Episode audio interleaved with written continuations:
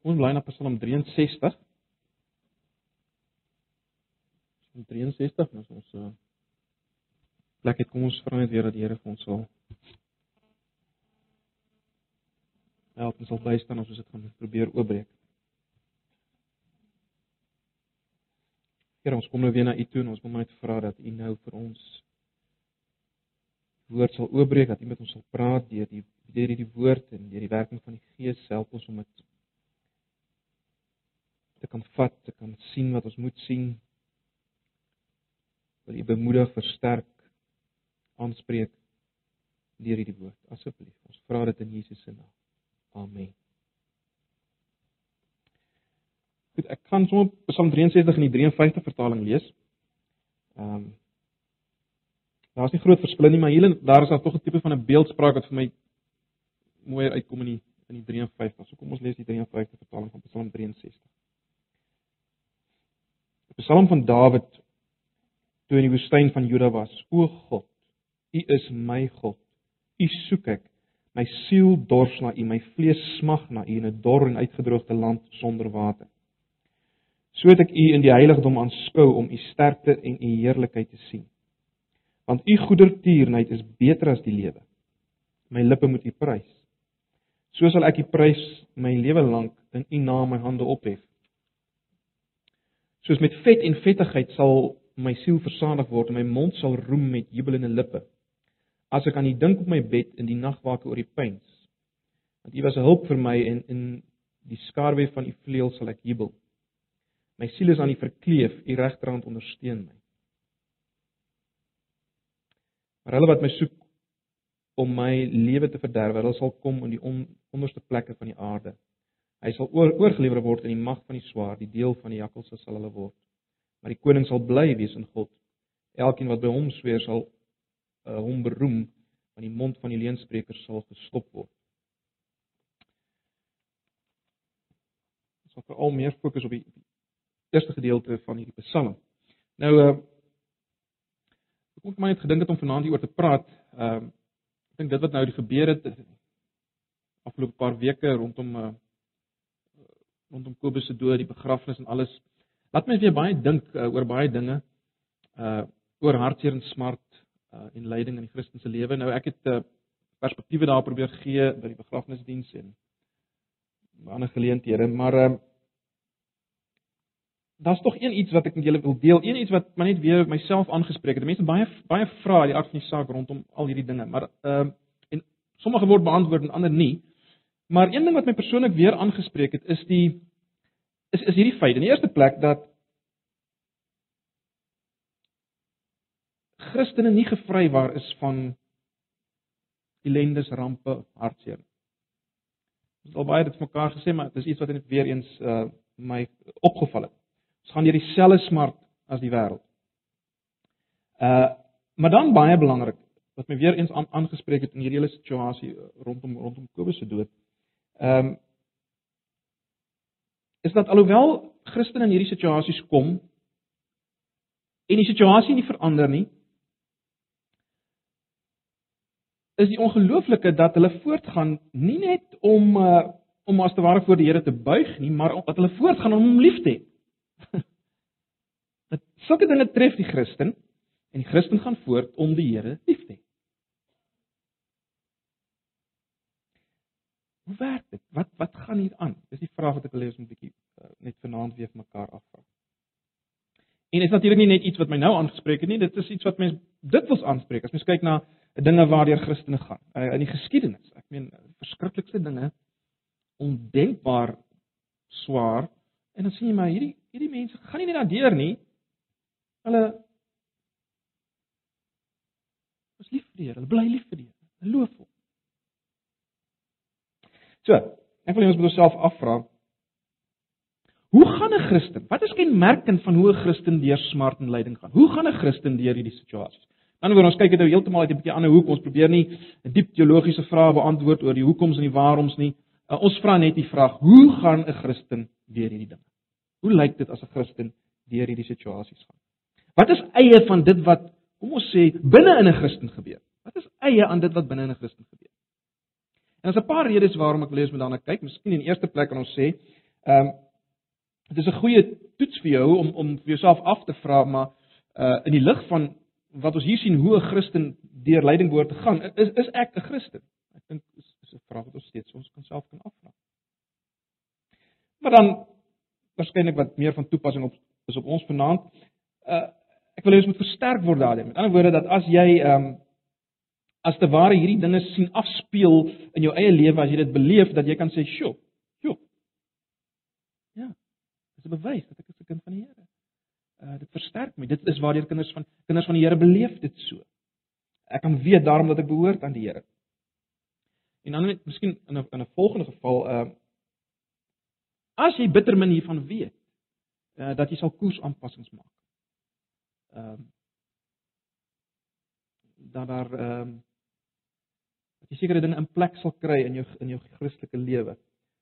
Ehm um, as jy agterkom jy's niks hiervan of jy's te min hiervan dat jy sal koersaanpassings maak. As jy wil bekeer, uh, sal bekeer, omkeer, uh, verandering van denke sal sal kom en so meer.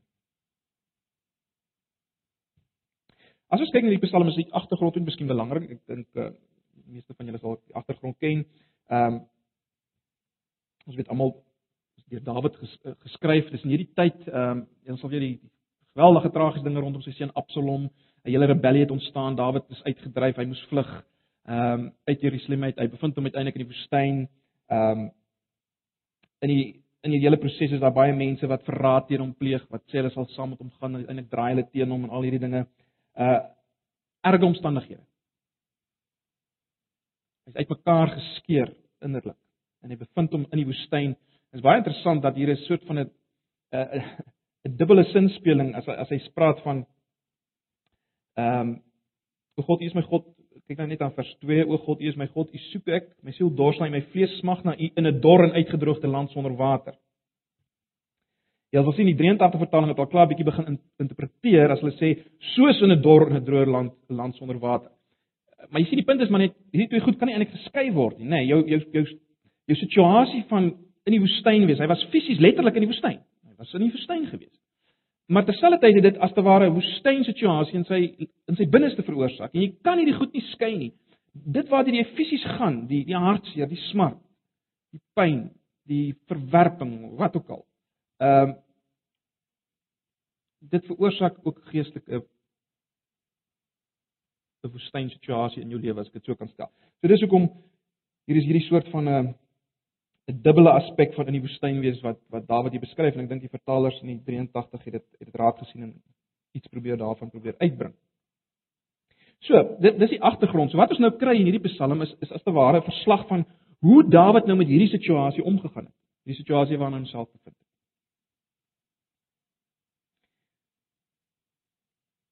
En in die aard van die saak, die rede hoekom ons dan na kyk is om te kyk nou maar hoe moet ons dan in die lig hiervan, hoe moet ons handel met 'n uh, sulke tipe situasies. So kom ons kyk daarna, kom ons leer daaruit, ons toets onsself. Ek wil ek wil dit doen aan die hand van 'n paar hoofpunte wat ek net wil uitlig. En die eerste ding wat ek wil uitlig is dit dat soos Dawid word ware Christene deur teenkanting na God gedryf. Soos Dawid word ware Christene deur teenkanting deur so 'n situasie na God gedryf.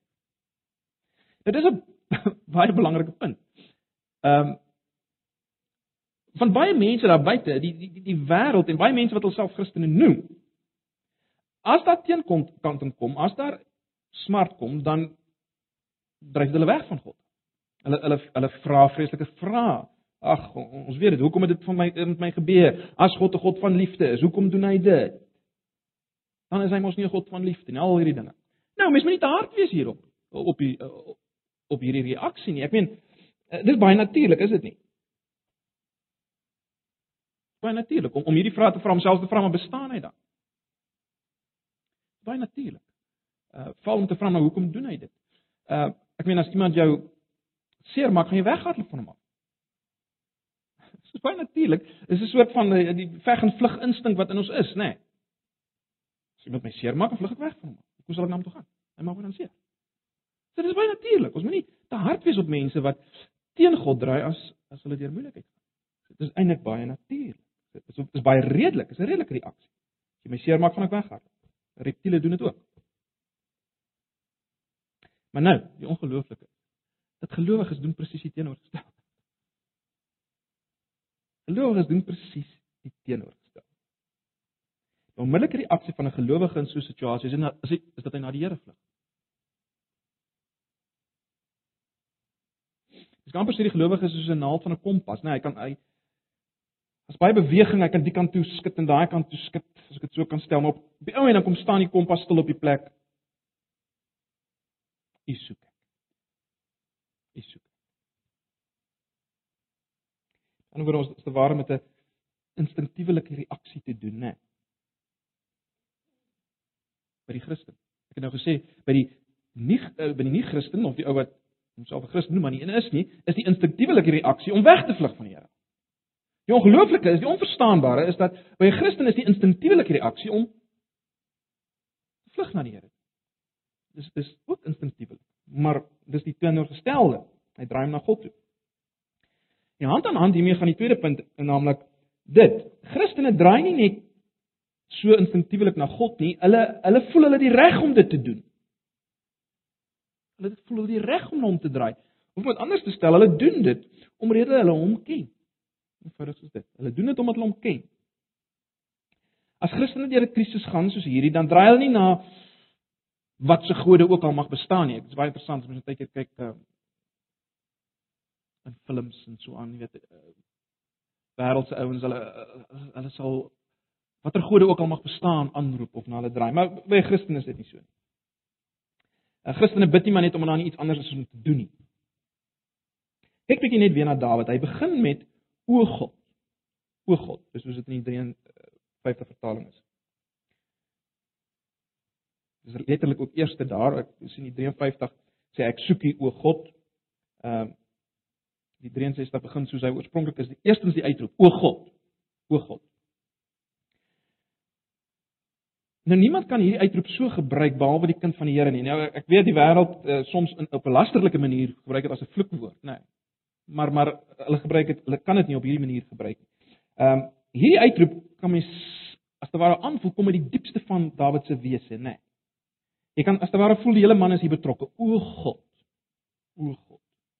En dan sal julle sien net die volgende frase: O God, U is my God. sien julle dit?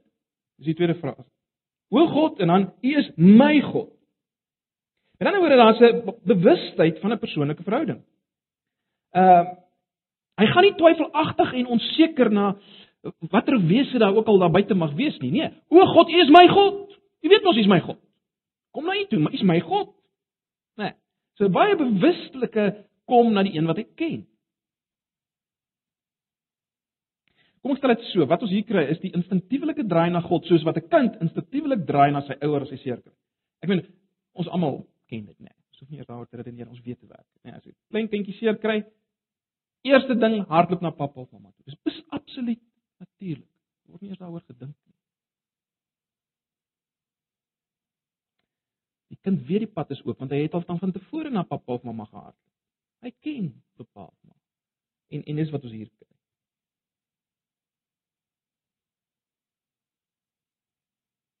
Interessant in die Nuwe Testament, Paulus in Romeine 8 vers 26 praat daarvan dat die in sulke situasies van smart tree die Gees vir ons on, in uit met onuitspreeklike versigtiging. Dit is eh, met ander woorde ons eh, ons kan selfs net sug, maar is 'n sug na God toe en hy hoor ons. Maar goed, ek wil nie nou daarby stil staan. As ons terugkom na Dawid, die volgende ding wat hy sê is hy het nou gesê o God, U is my God en dan sê hy U soek ek my siel dors na U, my vlees smag na U. Nou Wat belangrik is om hier raak te sien is dat ons het nie hier te doen met 'n vae begeerte nie. Ons het hier te doen met 'n baie diepgaande gevoel, né? Nee. Uh hy draai nie net na God in sin uh jy weet hy het nou al alle ander dinge probeer en nou uh, kom ons probeer gebed daai tipe ding. Nee, sy hele wese is hierby betrokke. Weerens hy hoef homself nie te oortuig om dit te doen nie. Nee, hy hoef nie homself te oortuig ek ek moet dit dan seker nou. Nee, er, sy hele wese draai na soek na God. Hy hoef nie eers alles mooi uit te werk en dan kom hy tot die konklusie, okay, nou moet ek gaan bid. Dit is seker nou wat ek moet doen is die volgende ding. Nee. Draai na die een wat ek ken met sy hele wese, nê. Dis sy hele wese, dis die hele gedagte wat hy uitgedruk word. Ons kry dit in die baie ander psalms, Psalm 42. Ehm um, soos 'n hart smag na water, smag my siel na U.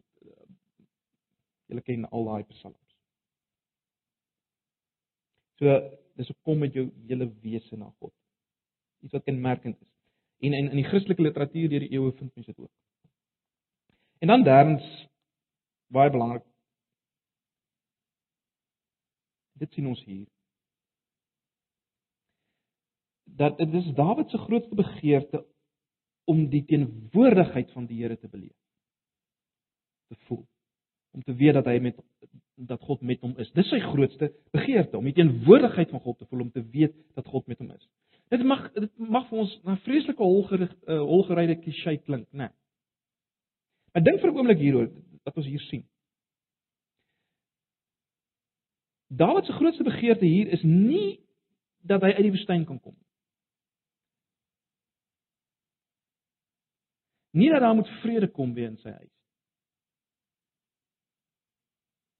Die grootste begeerte is nie dat hierdie situasie moet eindig nie. En daarmee sê ek nie dat Dawid uh, nie daaroor gebid het nie. Dis nie die punt nie. Die punt is hy het dit nie hier neergeskryf nie dit sê vir ons dat uh, of nee, nee, hy het nêrens werklik hy het nêrens so uitgedruk dat dit sy begeerte is dat hierdie goed herstel word. Baie interessant.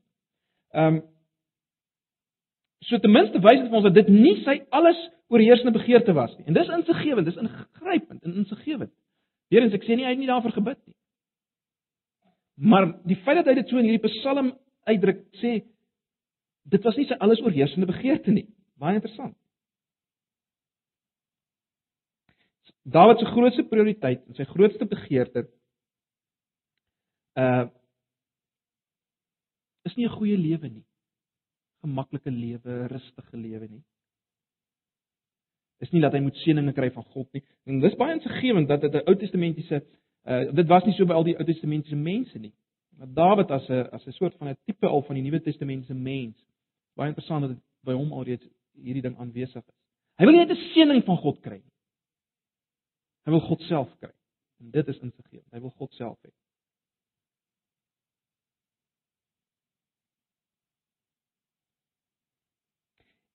En let op, hy weet waarvan hy praat. Hy weet waarna hy verlang want hy het geken, né? Nee. Hy sê hy het dit in die heiligdom beleef. Vers 3: So het ek u in die heiligdom aanskou om u sterkte en heerlikheid te sien.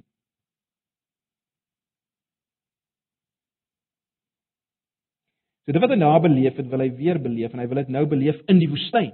Hy het dit al beleef in die heiligdom.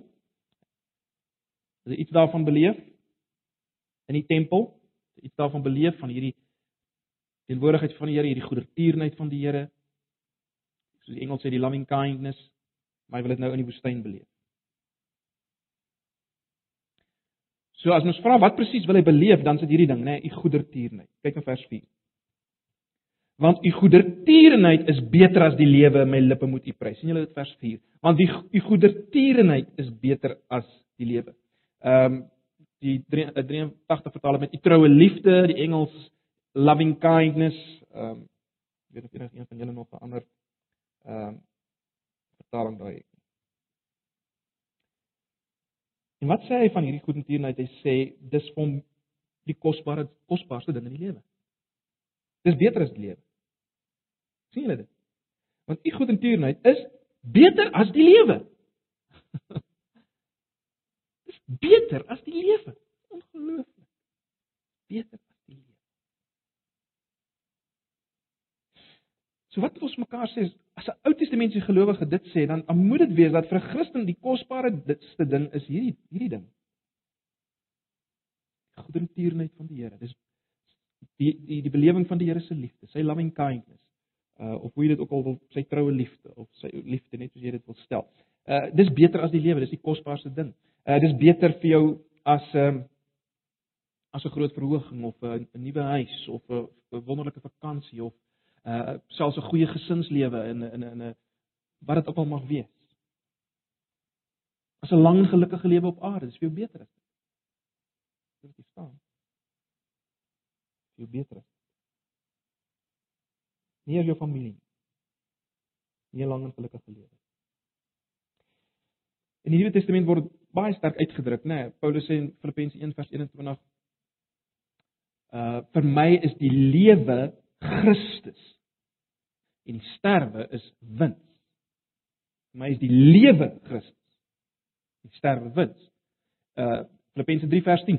Al wat ek wens al wat ek wens is om Christus te ken. Die krag van sy opstanding, gelykvormig te word aan sy dood en so voort. Al wat ek wens. As ons terugkom na Dawid, dit dis geweldig wat hy, sê in feite ek is nie so bekommerd oor my persoonlike veiligheid. Dis wat hy in feite sê. Ek is nie so bekommerd oor my persoonlike veiligheid nie. Ek is ten diepste in die laaste instansie nie eens besorg om te bly lewe nie.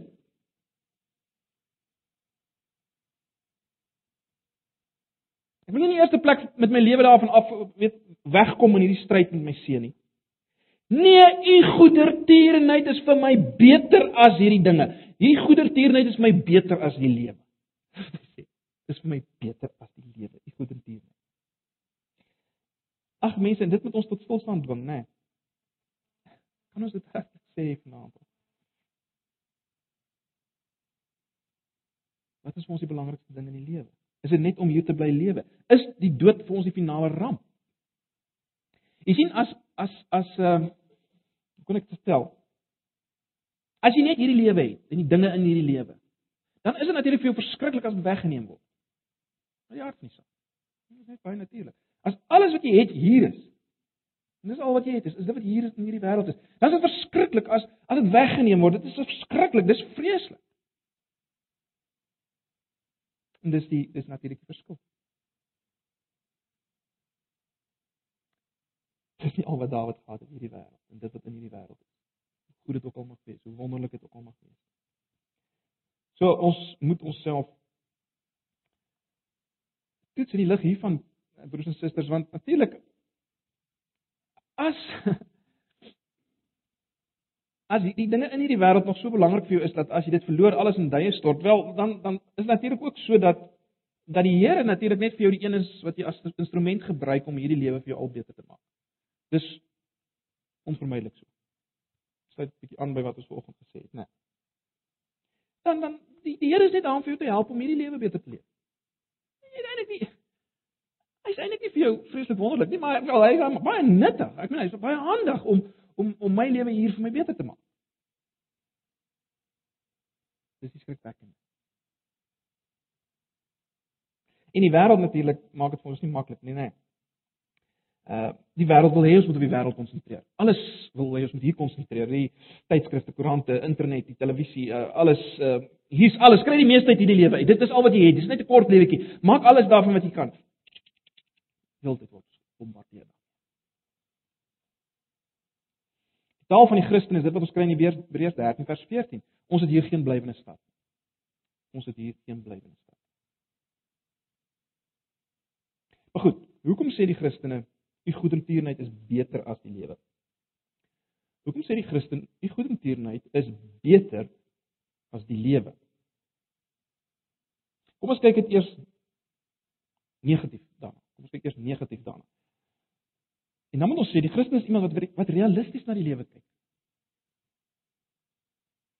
Want ek ons het vanoggend op gesin speel, my alles gaan agteruit. Alles verdor, alles verdroog. Alles gaan die pad van die tweede wet van termodinamika. Die Christen is iemand wat realisties daaroor. Hy weet deur ervaring niks hier kan regtig bevredig nie. En, en ek dink die van julle wat veral al, al langer op die pad is sal sal saamstem. Uh hoe langer mens leef, hoe meer raak jy in 'n sin besef net. Daar's niks daar's niks wat in die lewe regtig bevredig. Glip van soos water deur jou vingers. Dis net so. Dis net so. Nie net om in die wêreld vol versoeking en beproewing is, is dit is die Christen realisties dat dit nie so wonderlik is nie, maar ook omdat dit 'n plek is waar mot en roes dinge laat vergaan en diewe inbreek en steel soos uh, Jesus dit stel in Matteus 6. Alles gaan agteruit. En daarom as jy kyk na 2 Korintiërs 5 vers 4 sê Paulus as Christen uh, hy verlang dat hierdie tentwoning vervang sal word met iets meer permanent. Hierdie is 'n tentwoning, dit is toeganklik. Dit gaan net tydelik. Maar baie belangrik, ons moenie moenie die groot punt hier mis nie, né? Nee. moenie die groot punt hier mis nie. Daar's natuurlik baie mense in die wêreld ook, baie nie-Christene wat net so pessimisties is oor die wêreld. Want soos ek sê, jy kan nie lank leef as jy realisties leef, kan jy nie lank leef en en en nie by die punt uitkom dat hierdie lewe is eintlik maar. Dit is nie regtig iets nie. Nee. So dis nie die groot punt hier nie. Daar's baie mense in die wêreld wat veral as hulle 'n bietjie ouer is weer eens wat ook maar negatief en pessimisties is oor die lewe. Maar die punt is Dawid is nie net negatief oor die lewe as hy sê goedertierenheid is beter as die lewe nie. Hy's nie net negatief oor die lewe nie. Nee nee. Dis 'n positiewe stelling. En goedertierenheid is beter. So, ons kan sê hy ken nie net proefonderlik uh, of hy weet nie net proefondervindelik omtrent die die waarheid omtrent die lewe dat daar niks in hierdie lewe is nie uh, wat bevredig nie. Hy weet nie net dit proefondervindelik nie. Hy weet ook aan die ander kant proefondervindelik die goedertierenheid van die Here, die loving kindness van die Here, die liefde van die Here. Ook dit weet hy proefondervindelik, né? Nee. Nie net die negatiewe van die wêreld nie, maar ook die goedertierenheid van die Here weet hy proefondervindelik. En as hy dit twee langs mekaar sit dan sê hy, "U goedertierenheid is baie beter as die lewe." Né? Nee. So dit is die groot verskil.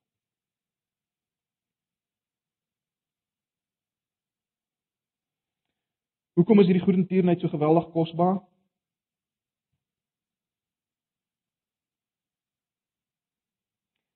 Jy sien iets daarvan in vers 3.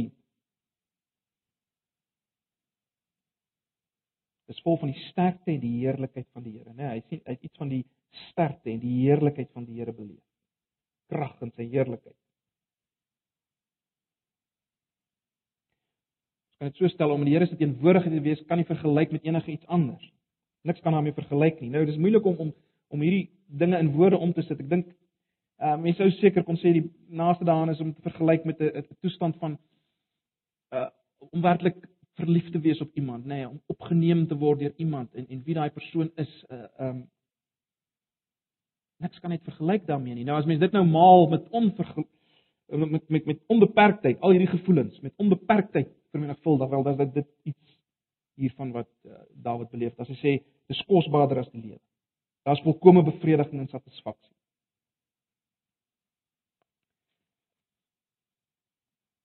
As jy net kyk na vers 6, gebruik Dawid die uitdrukking soos met vet en vettigheid sal my siel versadig word. Ek sê dis 'n baie mooi beeldspraak wat die 83 bietjie wegvertaal het as dan net kan soos elke keer wanneer ek die goeie gawes geniet.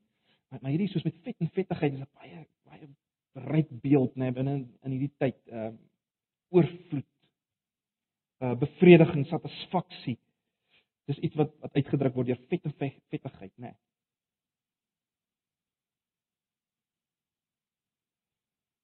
Dis deel van hierdie goedertierenheid die loving kindness is die belewing daarvan bring hierdie bevrediging soos vet en vettigheid as ek dit so kan stel dis ook net so kosbaar is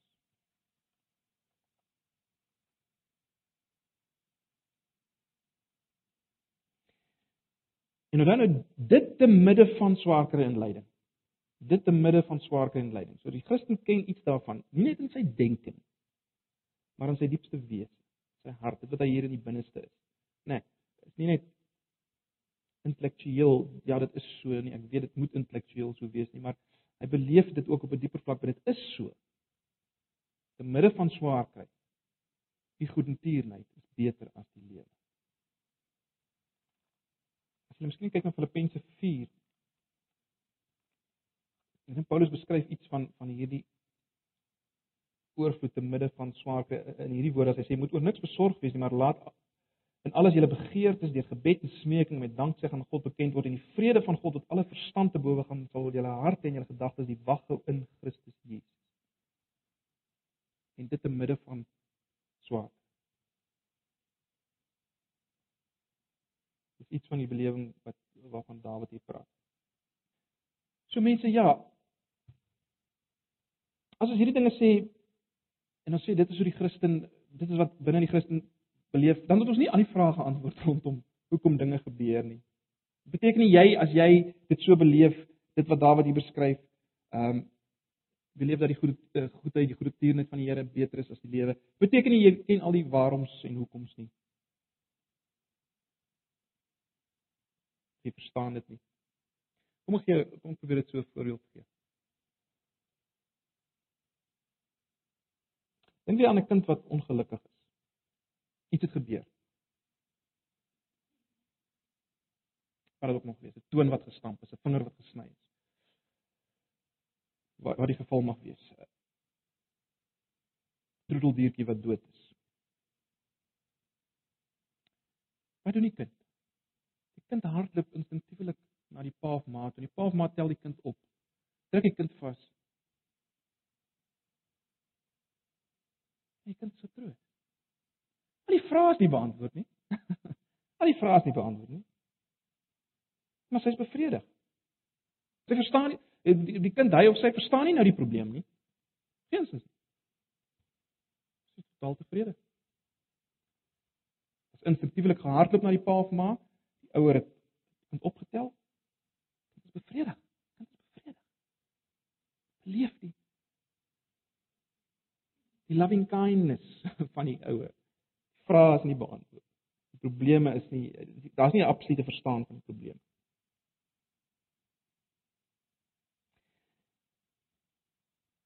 As ons kyk na as ons net weer teruggaan na Psalm 63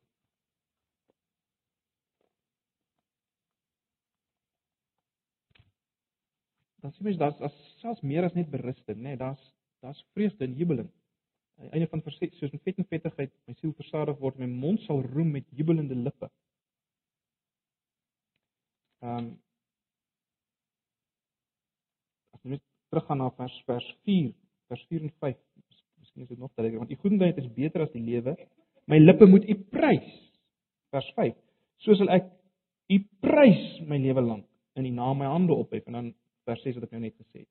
Soos met vet en vettigheid sal my siel versadig word en my mond sal roem met jubelende lippe.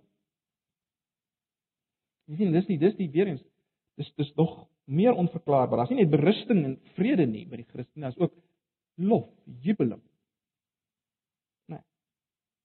Dit is hoekom dit so goed was uh, dat ons uh, kon sing nou die ander by by, by uh, Frederik hulle. Dis wat ons moet doen. Dis wat ons moet doen. En dan kan mens net kyk miskien na vers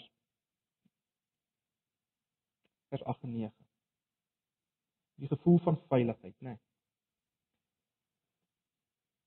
Geweldige gevoel van veiligheid by die Here. Want U was hulp vir my en in die skaduwee van U vleuels sal ek jubel. Weerens die jubel. My siel is aan U verkleef. U regterhand ondersteun my. U regterhand ondersteun my. Daai uh gevoel van veiligheid. Regterhand ondersteun my. U is ek veilig. Mens dink so aan eh, aan wat mens sien as 'n kykentjies by 'n hen, né? Ah, kykentjies loop daar rond en pik pik pik pik en dan gebeur daar iets en dan storm hulle onder die hen in. As daar bevrediging. Ek dink iets daarvan is dit wat uh, wat Dawid wil uitlig. So ja, ek wou dit net met julle deel. Ehm um, ek dink ek het julle genoem by uh by die gedenkdiens hier die Sondag dat die, die groot vraag in die, in die kosmos is is is dit. En dis wat in Job uitgelig word. Sal mense u aanhou dien al verloor hulle alles? En dis die dis die groot vraag in die kosmos en dis die ongelooflike wat beantwoord word in die lewe van Christene wat deur lyding gaan. Ja. Ons sal Here nie net dien nie, ons sal doen met blydskap. Ons doen met blydskap.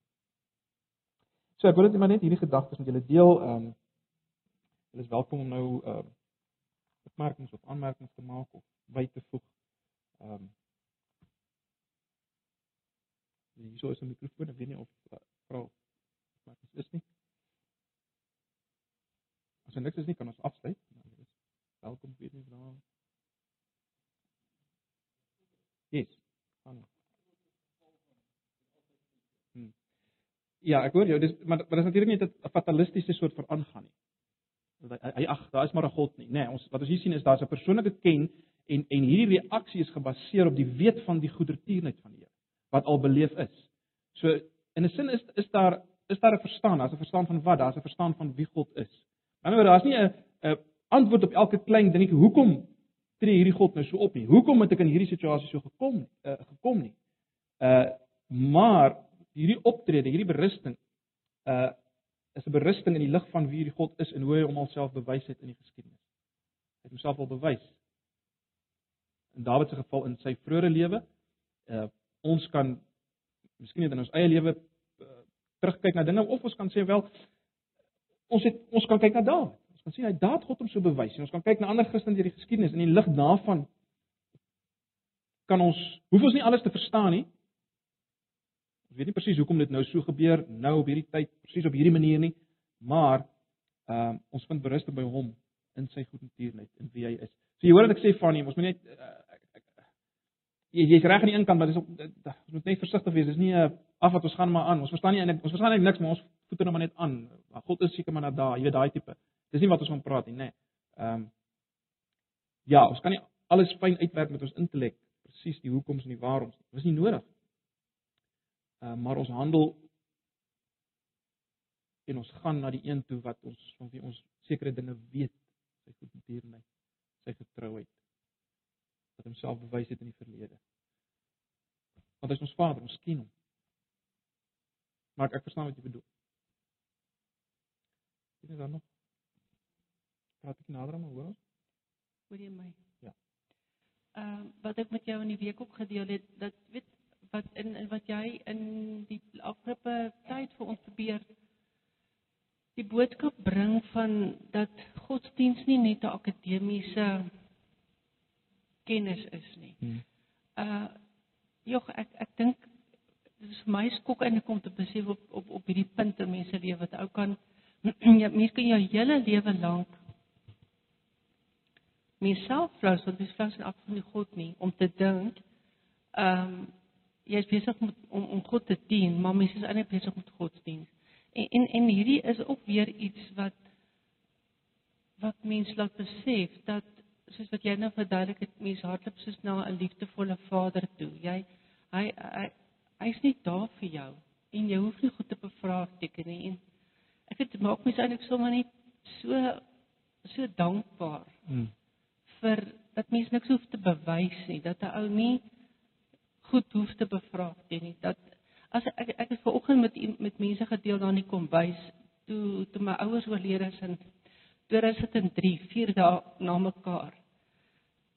Jogg, dit was vir my so swaar. Ons het nie verwag dat my pa so vinnig na my ma sal doodgaan. Eindelik het, het ons hom klaar gemaak dat hy nog by ons sou kom bly. En en en dan vra jy, jy wil vra, Here, maar hoekom? Hoekom hoekom nou al twee vat en 'n Hmm. begrafnis gelyk hou?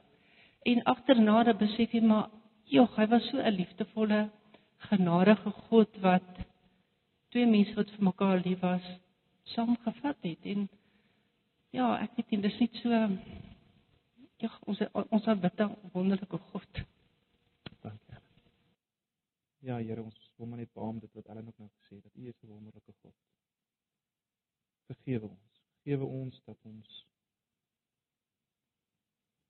nie ons liefde vir U genoeg wys nie, dat ons nie altyd dankbaar genoeg is vir dit wat U is, wie U is. Maar dankie, ja, dankie Here dat ons niks hoef te verwerf by U nie. Dankie dat niks ons kunskap kan wegneem en dat ons nie hoef te verdien om in U huis te wees nie. Dat ons nie hoef te verdien om na U te kom nie. Net soos 'n kind dit nie hoef te doen nie. Ons is dit. En ons dankie daarvoor. Dankie dat U goedertierenheid, U liefde is soveel soveel meer as wat ons ooit sal besef. Dankie dat U nie soos ons is nie. Dankie dat U nie boekhou van die kwaad nie. Here daarvoor. Dankie Here Jesus vir U self want dit is as gevolg van U dat dit alles moontlik is in die oortreffende trap. Dankie daarvoor. Here, wil U kom en deur die Gees het ons al meer en meer 'n wonderlike werklikheid maak. Hier die daarvoor. Nou wil ons vra dat U vir ons sal bewaar die res van die aand, ons almal veilig by huis sal bring. Ook ons deur die nag sal bewaar. Ons vra dit in Jesus se naam. Amen.